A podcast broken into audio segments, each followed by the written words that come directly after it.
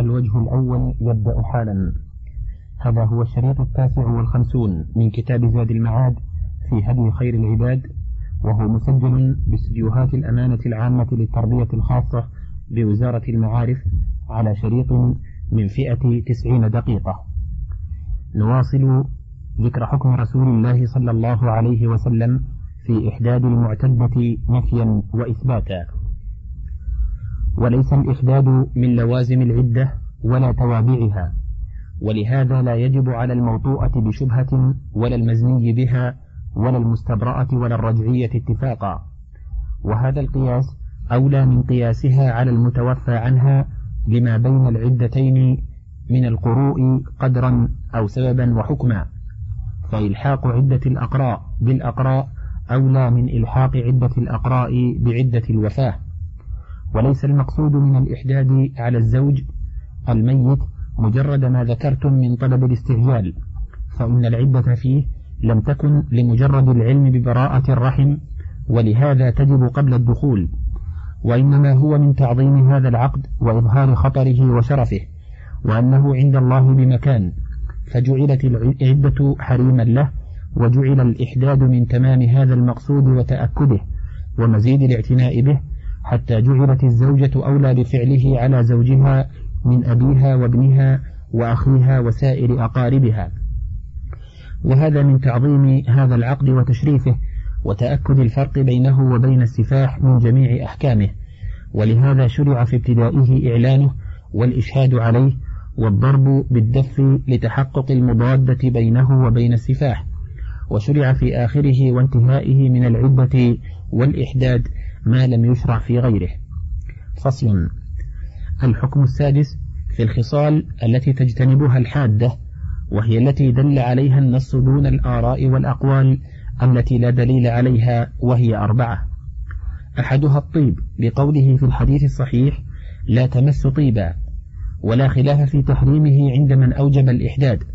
ولهذا لما خرجت أم حبيبة رضي الله عنها من إحدادها على أبيها أبي سفيان دعت بطيب فدهنت منه جارية ثم مست بعارضيها ثم ذكرت الحديث ويدخل في الطيب المسك والعنبر والكافور والند والغالية والزباد والذريرة والبخور والأدهان المطيبة كدهن البان والورد والبنفسج والياسمين والمياه المعتسرة من الأدهان الطيبة كماء الورد وماء القرنفل وماء زهر النارنج فهذا كله طيب ولا يدخل فيه الزيت ولا الشيرج ولا السمن ولا تمنع من الادهان بشيء من ذلك. فصل الحكم السابع وهي ثلاثة أنواع. أحدها الزينة في بدنها فيحرم عليها الخضاب والنقش والتطريف والحمرة والاسفيداج فإن النبي صلى الله عليه وسلم نص على الخضاب منبها به على هذه الأنواع التي هي أكثر زينة منه وأعظم فتنة وأشد مضادة لمقصود الإحداد ومنها الكحل والنهي عنه ثابت بالنص الصريح الصحيح. ثم قال طائفة من أهل العلم من السلف والخلف منهم أبو محمد بن حزم لا تكتحل ولو ذهبت عيناها لا ليلا ولا نهارا. ويساعد قولهم حديث أم سلمة المتفق عليه. أن امرأة توفي عنها زوجها فخافوا على عينها فأتوا النبي صلى الله عليه وسلم فاستأذنوه في الكحل فما أذن فيه بل قال لا مرتين أو ثلاثا ثم ذكر لهم ما كانوا يفعلونه في الجاهلية من الإحداد البليغ سنة ويصبرن على ذلك أفلا يصبرن أربعة أشهر وعشرا ولا ريب أن الكحل من أبلغ الزينة فهو كالطيب أو أشد منه. وقال بعض الشافعية للسوداء أن تكتحل وهذا تصرف مخالف للنص والمعنى. وأحكام رسول الله صلى الله عليه وسلم لا تفرق بين السود والبيض كما لا تفرق بين الطوال والقصار. ومثل هذا القياس بالرأي الفاسد الذي اشتد نكير السلف له وذمهم إياه. وأما جمهور العلماء كمالك وأحمد وأبي حنيفة والشافعي وأصحابهم فقالوا إن اضطرت إلى الكحل بالإثم تداويا لا زينة فلها أن تكتحل به ليلا وتمسحه نهارا. وحجتهم حديث أم سلمة المتقدم رضي الله عنها فإنها قالت في كحل الجلاء لا تكتحل إلا لما لا بد منه يشتد عليك فتكتحلين بالليل وتغسلينه بالنهار. ومن حجتهم حديث أم سلمة رضي الله عنها الآخر أن رسول الله صلى الله عليه وسلم دخل عليها وقد جعلت عليها صبرا فقال ما هذا يا أم سلمة؟ فقلت صبر يا رسول الله ليس فيه طيب. فقال إنه يشب الوجه. فقال لا تجعليه إلا بالليل وتنزعيه بالنهار. وهما حديث واحد فرقه الرواه وأدخل مالك هذا القدر منه في موطئه بلاغا. وذكر أبو عمر في التمهيد له طرقا يشد بعضها بعضا ويكفي احتجاج مالك به وأدخله أهل السنن في كتبهم واحتج به الأئمة وأقل درجاته أن يكون حسنا. ولكن حديثها هذا مخالف في الظاهر لحديثها المسند المتفق عليه فإنه يدل على أن المتوفى عنها لا تكتحل بحال. فإن النبي صلى الله عليه وسلم لم يأذن للمشتكية عينها في الكحل لا ليلا ولا نهارا ولا من ضرورة ولا غيرها. وقال لا مرتين أو ثلاثا ولم يقل إلا أن تضطر. وقد ذكر مالك عن نافع عن صفية ابنة عبيد أنها اشتكت عينها وهي حاد على زوجها عبد الله بن عمر فلم تكتحل حد حتى كادت عيناها ترمصان.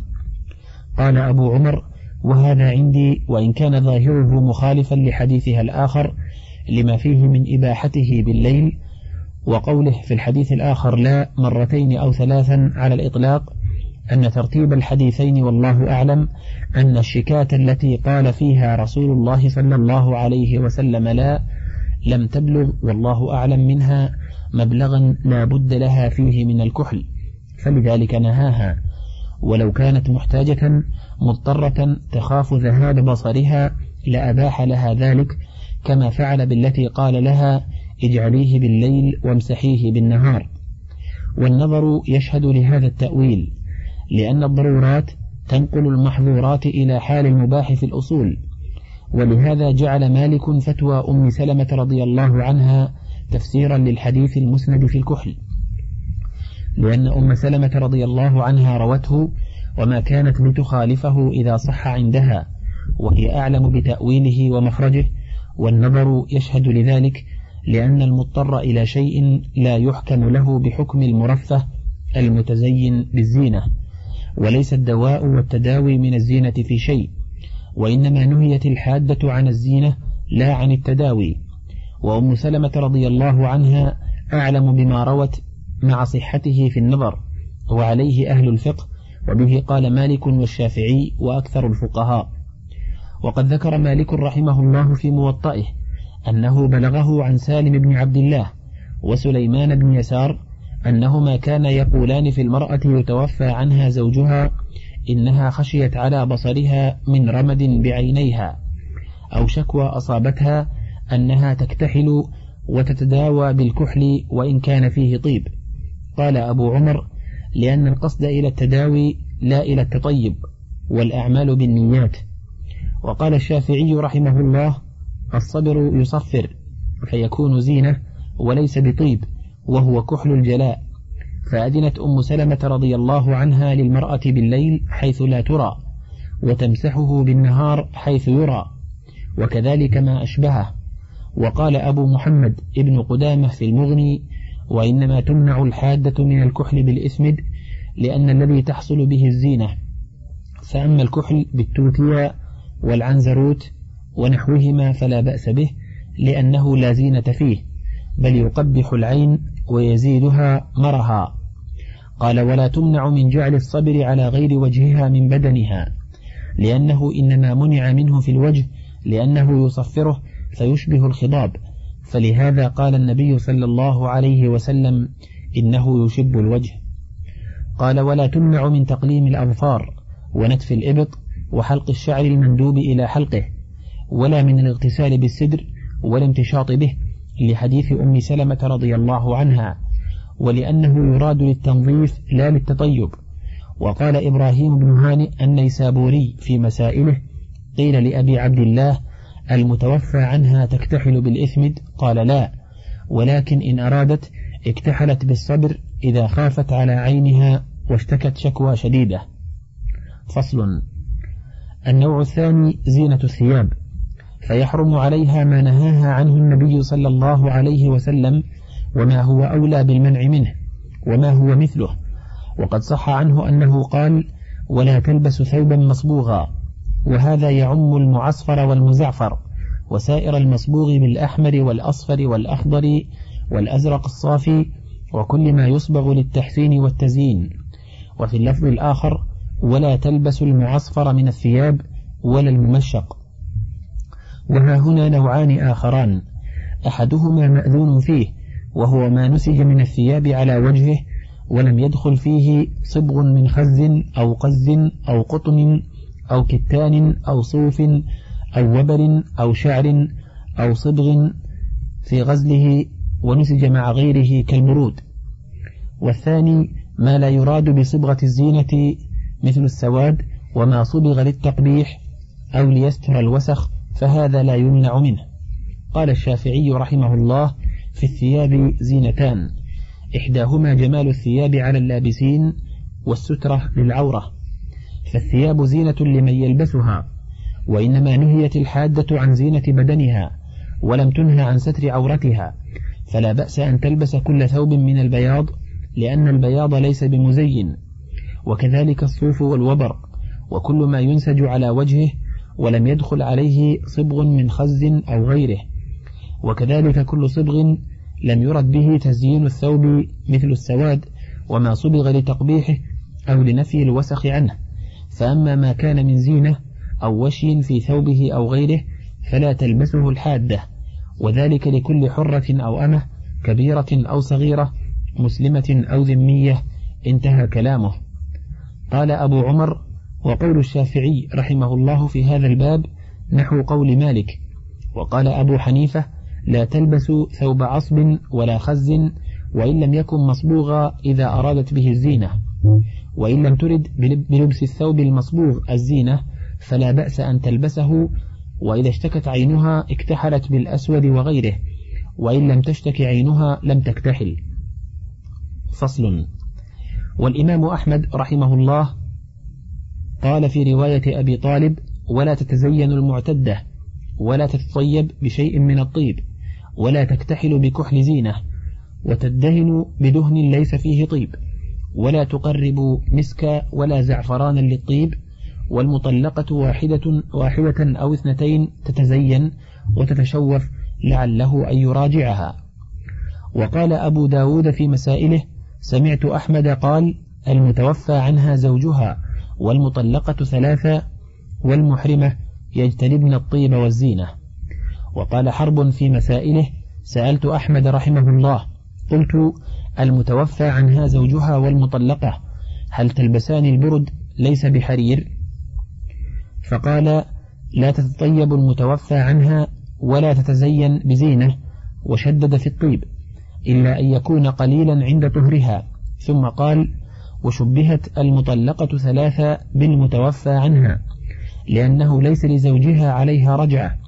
ثم ساق حرب بإسناده إلى أم سلمة قال المتوفى عنها لا تلبس المعصفر من الثياب ولا تختضب ولا تكتحل ولا تتطيب ولا تنتشط بطيب.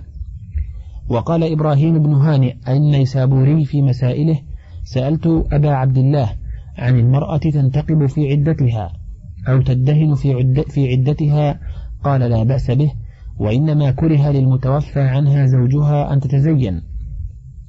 وقال أبو عبد الله كل دهن فيه طيب فلا تدهن به. فقد دار كلام الإمام أحمد والشافعي وأبي حنيفة رحمهم الله على أن الممنوع من الثياب ما كان من لباس الزينة من أي نوع كان. وهذا هو الصواب قطعا فإن المعنى الذي منعت من المعصفر والممشق لأجله مفهوم والنبي صلى الله عليه وسلم خصه بالذكر مع المصبوغ تنبيها على ما هو مثله وأولى بالمنع. فإذا كان الأبيض والبرود المحبرة الرفيعة الغالية الأثمان مما يراد للزينة لارتفاعهما وتناهي جودتهما كان أولى بالمنع من الثوب المصبوغ. وكل من عقل عن الله ورسوله لم يسترب في ذلك لا كما قال أبو محمد ابن حزم إنما تجتنب الثياب المصبغة فقط ومباح لها أن تلبس بعد ما شاءت من حرير أبيض أو أصفر من لونه الذي لم يصبغ وصوف البحر الذي هو لونه وغير ذلك ومباح لها أن تلبس المنسوج بالذهب والحلي كله من الذهب والفضة والجوهر والياقوت والزمرد وغير ذلك. فهي خمسة أشياء تجتنبها فقط وهي الكحل كله لضرورة أو لغير ضرورة. ولو ذهبت عيناها لا ليلا ولا نهارا. وتجتنب فرضا كل ثوب مصبوغ مما يلبس في الرأس والجسد أو على شيء منه سواء في ذلك السواد والخضرة. والحمرة والصفرة وغير ذلك إلا العصب وحده وهي ثياب موشاه تعمل في اليمن فهو مباح لها. وتجتنب أيضا فرضا الخضاب كله جملة وتجتنب الامتشاط حاش التسريح بالمشط فقط فهو حلال لها. وتجتنب أيضا فرضا الطيب كله ولا تقرب شيئا حاشا شيئا من قسط أو أظفار عند طهرها فقط فهذه الخمسة التي ذكرها حكينا كلامه فيها بنصه. وليس بعجيب منه تحريم لبس ثوب أسود عليها ليس من الزينة في شيء. وإباحة ثوب يتقد ذهبا ولؤلؤا وجوهرا. ولا تحريم المصبوغ الغليظ لحمل الوسخ. وإباحة الحرير الذي يأخذ بالعيون حسنه وبهاؤه ورواؤه. وإنما العجب منه أن يقول هذا دين الله في نفس الأمر وأنه لا يحل لأحد خلافه. وأعجب من هذا إقدامه على خلاف الحديث الصحيح في نهيه صلى الله عليه وسلم لها عن لباس الحلي. وأعجب من هذا أنه ذكر الخبر بذلك ثم قال ولا يصح ذلك لأنه من رواية إبراهيم ابن طهمان وهو ضعيف. ولو صح لقلنا به فلله ما لقي إبراهيم بن طهمان من أبي محمد بن حزم وهو من الحفاظ الأثبات الثقات الذين اتفق الأئمة الستة على إخراج حديثه واتفق أصحاب الصحيح وفيهم الشيخان على الاحتجاج بحديثه وشهد له الأئمة بالثقة والصدق ولم يحفظ عن أحد منهم فيه جرح ولا خدش ولا يحفظ عن أحد من المحدثين قط تعليل حديث رواه ولا تضعيفه به. وقرئ على شيخنا أبي الحجاج الحافظ في التهذيب وأنا أسمع. قال إبراهيم ابن طهمان ابن سعيد الخراساني أبو سعيد الهروي. ولد بهراه وسكن نيسابور وقدم بغداد وحدث بها ثم سكن بمكة حتى مات بها. ثم ذكر عمن روى ومن روى عنه ثم قال قال نوح بن عمرو ابن المروزي.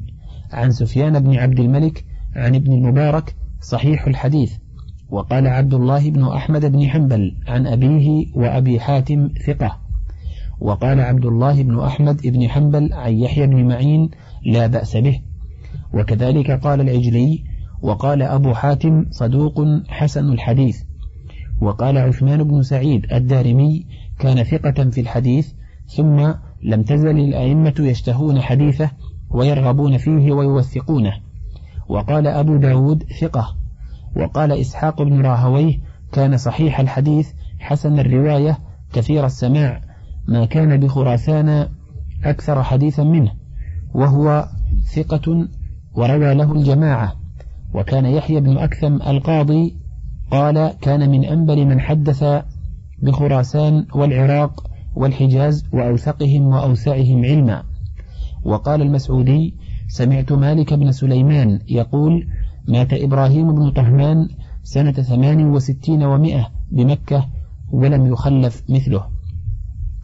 وقد أفتى الصحابة رضي الله عنهم بما هو مطابق لهذه النصوص وكاشف عن معناها ومقصودها.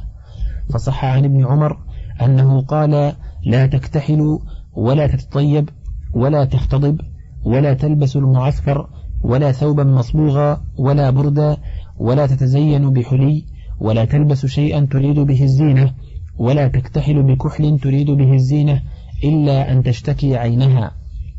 وصح عنه من طريق عبد الرزاق عن سفيان الثوري عن عبيد الله بن عمر عن نافع عن ابن عمر ولا تمس المتوفى عنها طيبا ولا تختضب ولا تكتحل ولا تلبس ثوبا مصبوغا إلا ثوب عصب تتجلبب به. وصح عن أم عطية لا تلبس الثياب المصبغة إلا العصب ولا تمس طيبا إلا أدنى الطيب بالقسط والأظفار ولا تكتحل بكحل زينة. وصح عن ابن عباس رضي الله عنه أنه قال تجتنب الطيب والزينة. وصح عن أم سلمة رضي الله عنها لا تلبس من الثياب المصبغة شيئا ولا تكتحل ولا تلبس حليا ولا تختضب ولا تتطيب. وقالت عائشة أم المؤمنين رضي الله عنها لا تلبس معصفرا ولا تقرب طيبا ولا تكتحل ولا تلبس حليا ولا تلبس إن شاءت ثياب العصب. فصل. وأما النقاب فقال الخرقي في مختصره وتجتنب الزوجة المتوفى عنها زوجها الطيب والزينة والبيتوتة في غير منزلها والكحل بالإثمد والنقاب. ولم أجد بهذا نصا عن أحمد. وقد قال إسحاق بن هانئ في مسائله سألت أبا عبد الله عن المرأة تنتقب في عدتها أو تدهن في عدتها فقال لا بأس به وإنما كره للمتوفى عنها زوجها أن تتزين.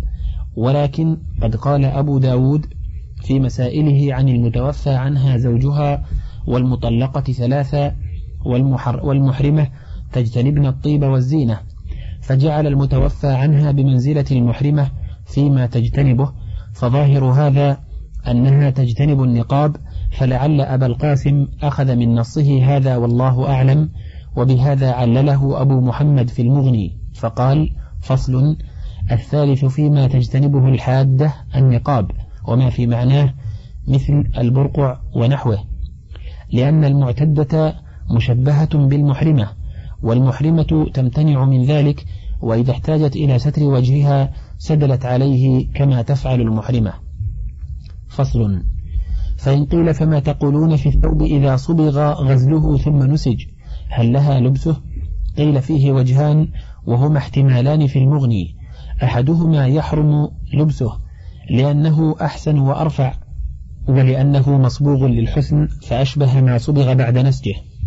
والثاني لا يحرم لقول رسول الله صلى الله عليه وسلم في حديث أم سلمة رضي الله عنها إلا ثوب عصب وهو ما صبغ غزله قبل نسجه ذكره القاضي. قال الشيخ والأول أصح وأما العصب فالصحيح أنه نبت تصبغ به الثياب. قال السهيلي الورس والعصب نبتان باليمن لا ينبتان إلا به. فأرخص النبي صلى الله عليه وسلم للحادة في لبس ما يصبغ بالعصب لأنه في معنى ما يصبغ لغير تحسين كالأحمر والأصفر فلا معنى لتجويز لبسه مع حصول الزينة بصبغه كحصولها بما صبغ بعد نسجه والله أعلم. ذكر حكم رسول الله صلى الله عليه وسلم في الاستبراء. ثبت في صحيح مسلم من حديث أبي سعيد الخدري رضي الله عنه أن رسول الله صلى الله عليه وسلم يوم حنين بعث جيشا إلى أوطاس فلقي عدوا فقاتلوهم فظهروا عليهم وأصابوا سبايا فكأن ناسا من أصحاب رسول الله صلى الله عليه وسلم تحرجوا من غشيانهن من أجل أزواجهن من المشركين. فأنزل الله عز وجل في ذلك والمحصنات من النساء إلا ما ملكت أيمانكم أي فهن لكم حلال إذا انقضت عدتهن. وفي صحيحه أيضا من حديث أبي الدرداء رضي الله عنه أن النبي صلى الله عليه وسلم مر بامرأة محج مجح على باب فسطاط فقال لعله يريد أن يلم بها. فقالوا نعم. فقال رسول الله صلى الله عليه وسلم لقد هممت أن ألعنه لعنا يدخل معه قبره كيف يورثه وهو لا يحل له؟ كيف يستخدمه وهو لا يحل له؟ وفي الترمذي من حديث عرباض ابن سارية أن النبي صلى الله عليه وسلم حرم وطأ السبايا حتى يضعن ما في بطونهن. وفي المسند وسنن أبي داود من حديث أبي سعيد الخدري رضي الله عنه أن النبي صلى الله عليه وسلم قال في سبايا أوطاس لا توطأ حامل حتى تضع ولا غير ذات حمل حتى تحيض حيضة. وفي الترمذي من حديث رويفع ابن ثابت رضي الله عنه أن النبي صلى الله عليه وسلم قال من كان يؤمن بالله واليوم الآخر فلا يسقي ماءه ولد غيره قال الترمذي حديث حسن ولأبي داود من حديثه أيضا لا يحل لامرئ يؤمن بالله واليوم الآخر أن يقع على امرأة من السبي حتى يستبرئها. ولأحمد من كان يؤمن بالله واليوم الآخر فلا ينكحن ثيبا من السبايا حتى تحيض. وذكر البخاري في صحيحه قال ابن عمر إذا وهبت الوليدة التي توطى أو بيعت أو عتقت فلتستبرأ بحيضة ولا تستبرأ العذراء. وذكر عبد الرزاق عن معمر عن عمرو بن مسلم عن طاووس أرسل رسول الله صلى الله عليه وسلم مناديا في بعض مغازيه لا يقعن رجل على حامل ولا حائل حتى تحيض وذكر عن سفيان الثوري عن زكريا عن الشعبي قال أصاب المسلمون سبايا يوم أوطاس فأمرهم رسول الله صلى الله عليه وسلم ألا يقعوا على حامل حتى تضع ولا على غير حامل حتى تحيض فصل. فتضمنت هذه السنن أحكاما عديدة.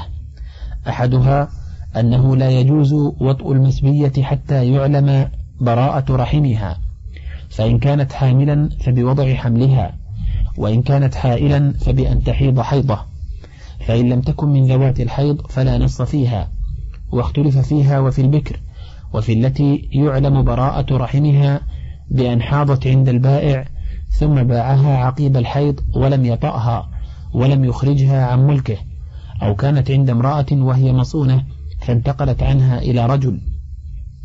فأوجب الشافعي وأبو حنيفة وأحمد الاستبراء في ذلك كله أخذا بعموم الأحاديث واعتبارا بالعدة حيث تجب مع العلم ببراءة الرحم واحتجاجا بآثار الصحابة كما ذكر عبد الرزاق. حدثنا ابن جريج قال قال عطاء تداول ثلاثة من التجار جارية فولدت فدعا عمر بن الخطاب رضي الله عنه القافة فألحقوا ولدها بأحدهم.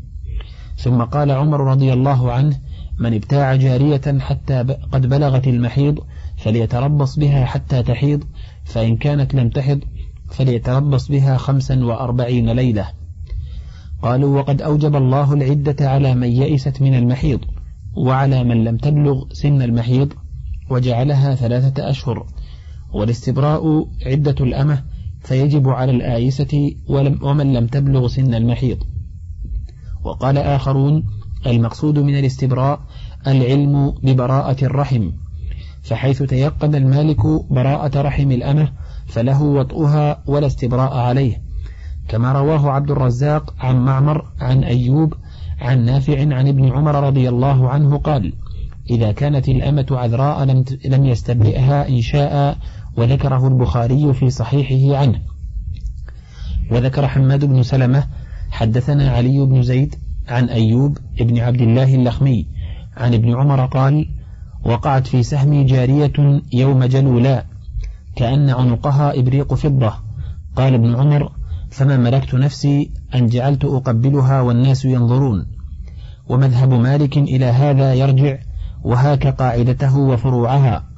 قال أبو عبد الله المازري وقد عقد قاعدة لباب الاستبراء فنذكرها بلفظها.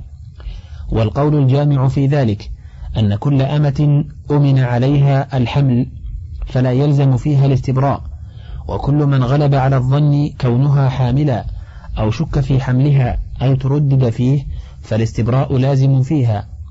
وكل من غلب الظن ببراءة رحمها لكنه مع الظن الغالب يجوز حصوله فإن المذهب على قولين في ثبوت الاستبراء وسقوطه. ثم خرج على ذلك الفروع المختلفة فيها كاستبراء الصغيرة التي تطيق الوطء والآيسة وفيه روايتان عن مالك. قال صاحب الجواهر ويجب في الصغيرة إذا كانت ممن قارب سن الحمل كبنت ثلاث عشرة أو أربع عشرة وفي إيجاب الاستبراء إذا كانت ممن تطيق الوطء ولا يحمل مثلها كبنت تسع وعشر. روايتان أثبته في رواية ابن القاسم ونفاه في رواية ابن عبد الحكم وإن كانت ممن لا يطيق الوط فلا استبراء فيها. قال ويجب الاستبراء في من جاوزت سن الحيض ولم تبلغ سن الآيسة مثل ابنة الأربعين والخمسين. وأما التي قعدت عن المحيض ويئست عنه فهل يجب فيها الاستبراء أو لا يجب؟ روايتان لابن القاسم وابن عبد الحكم.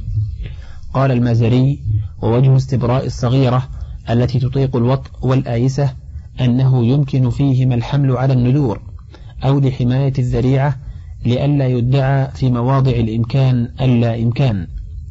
قال ومن ذلك استبراء الأمة خوفا أن تكون زنت وهو المعبر عنه بالاستبراء لسوء الظن وفيه قولان والنفي لأشهب وقال ومن ذلك استبراء الأمة الوخش. فيه قولان الغالب عدم وطئ السادات لهن وإن كان يقع في النادر. ومن ذلك استبراء من باعها مجبوب أو امرأة أو ذو محرم ففي وجوبه روايتان عن مالك. ومن ذلك استبراء المكاتبة إذا كانت تتصرف ثم عجزت فرجعت إلى سيدها فابن القاسم يثبت الاستبراء وأشهب ينفيه. ومن ذلك استبراء البكر قال أبو الحسن اللخمي هو مستحب على وجه الاحتياط غير واجب وقال غيره من أصحاب مالك هو واجب. ومن ذلك إذا استبرأ البائع الأمة وعلم المشتري أنه قد استبرأها فإنه يجزئ استبراء البائع عن استبراء المشتري.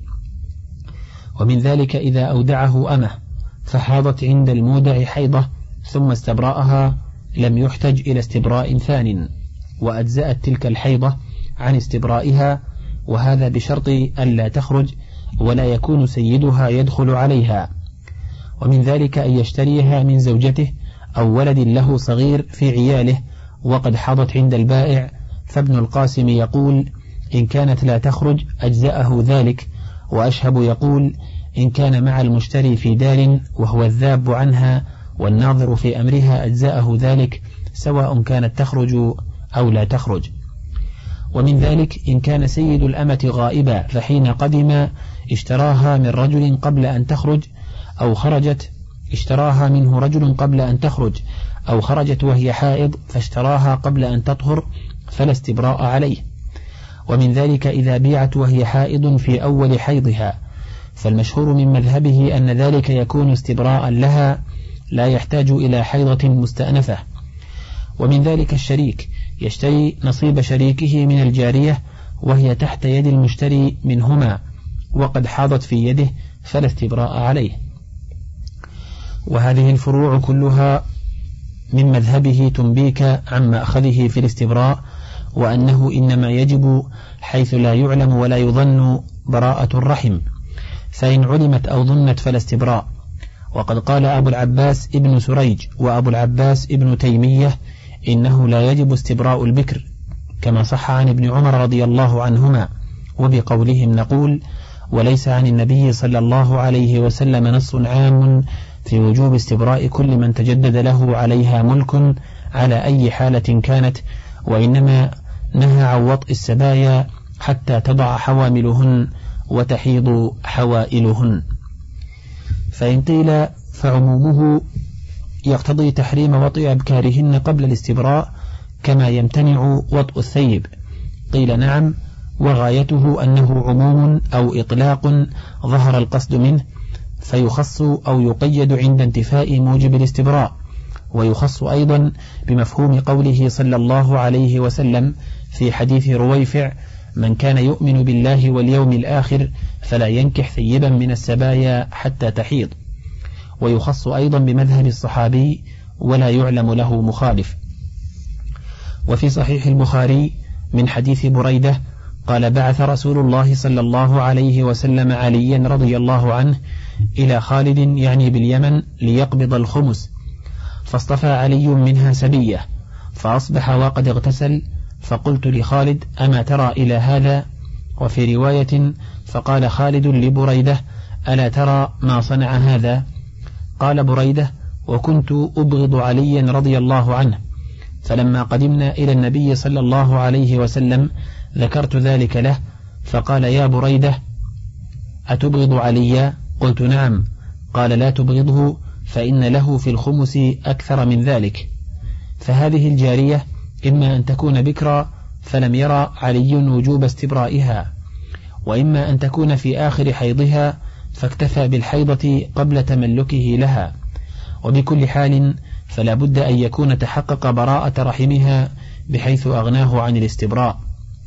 فإذا تأملت قول النبي صلى الله عليه وسلم حق التأمل وجدت قوله ولا توطأ حامل حتى تضع ولا غير ذات حمل حتى تحيض ظهر لك منه أن المراد بغير ذات الحمل من يجوز أن تكون حاملا وأن لا تكون فيمسك عن وطئها مخافة الحمل لأنه لا علم له بما اشتمل عليه رحمها. وهذا قاله في المسبيات لعدم علم السابي بحالهن. وعلى هذا فكل من ملك أمة لا يعلم حالها قبل الملك هل اشتمل رحمها على حمل أم لا لم يطأها حتى يستبرئها بحيضة. هذا أمر معقول وليس بتعبد محض ولا معنى له فلا معنى لاستبراء العذراء والصغيرة التي لا يحمل مثلها والتي اشتراها من امرأته وهي في بيته لا تخرج أصلا ونحوها ممن يعلم براءة رحمها.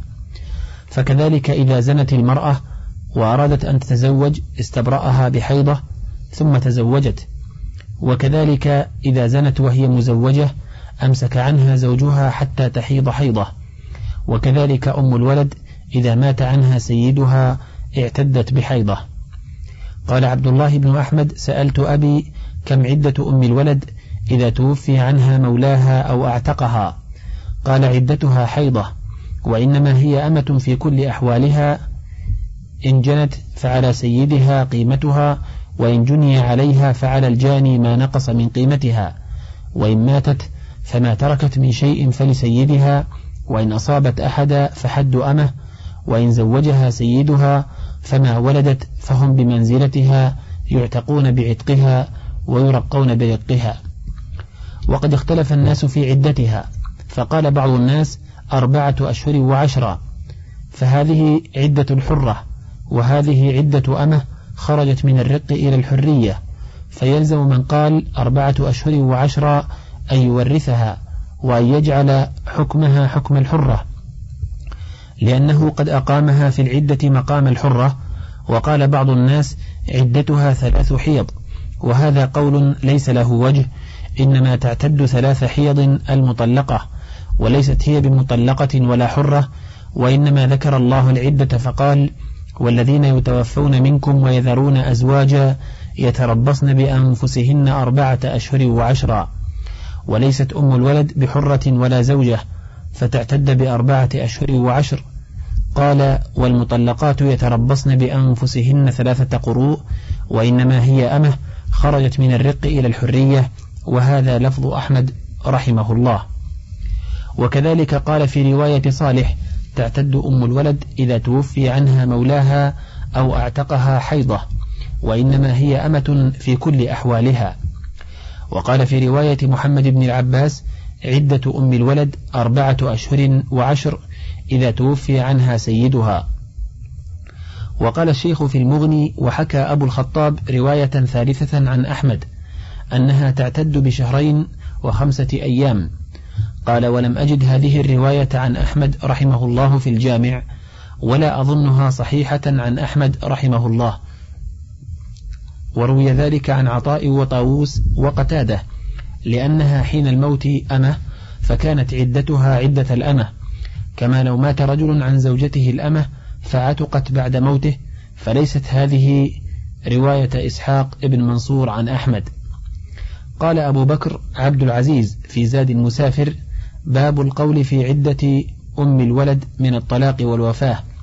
قال أبو عبد الله في رواية ابن القاسم إذا مات السيد وهي عند زوج فلا عدة عليها كيف تعتد وهي مع زوجها؟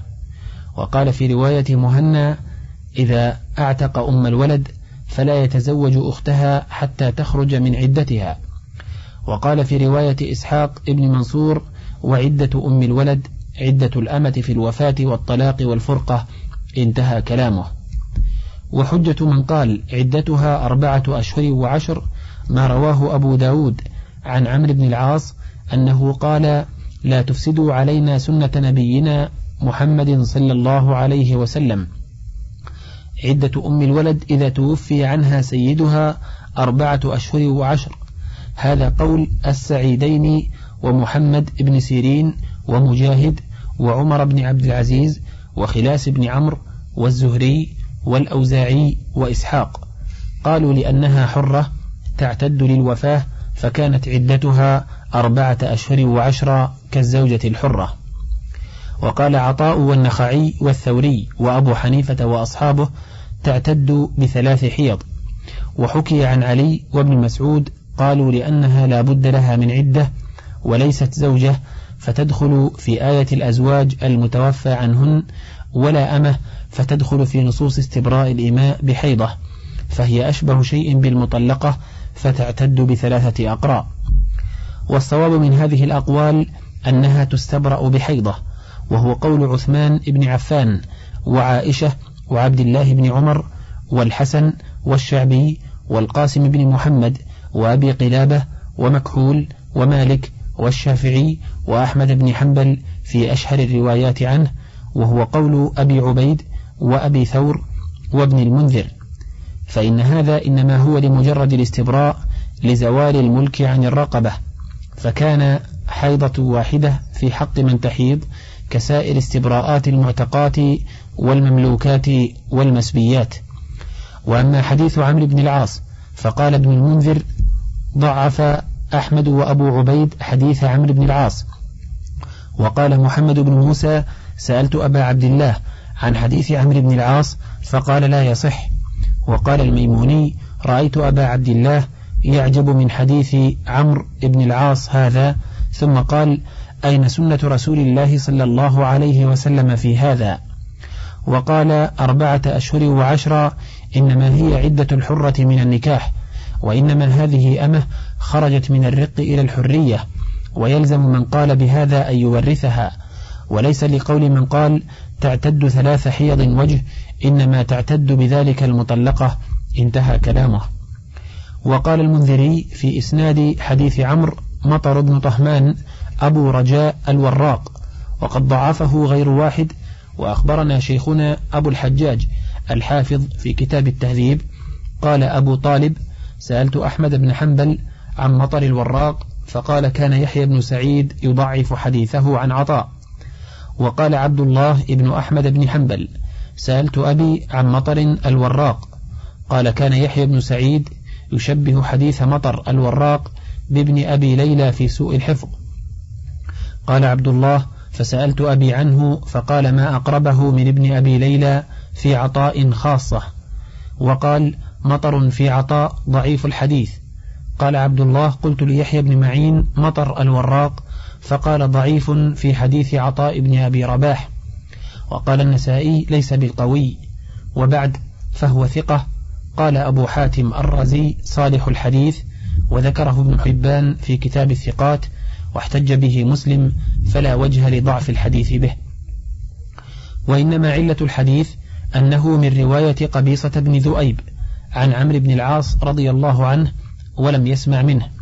قاله الدار قطني وله علة أخرى وهي أنه موقوف لم يقل لا تلبسوا علينا سنة نبينا.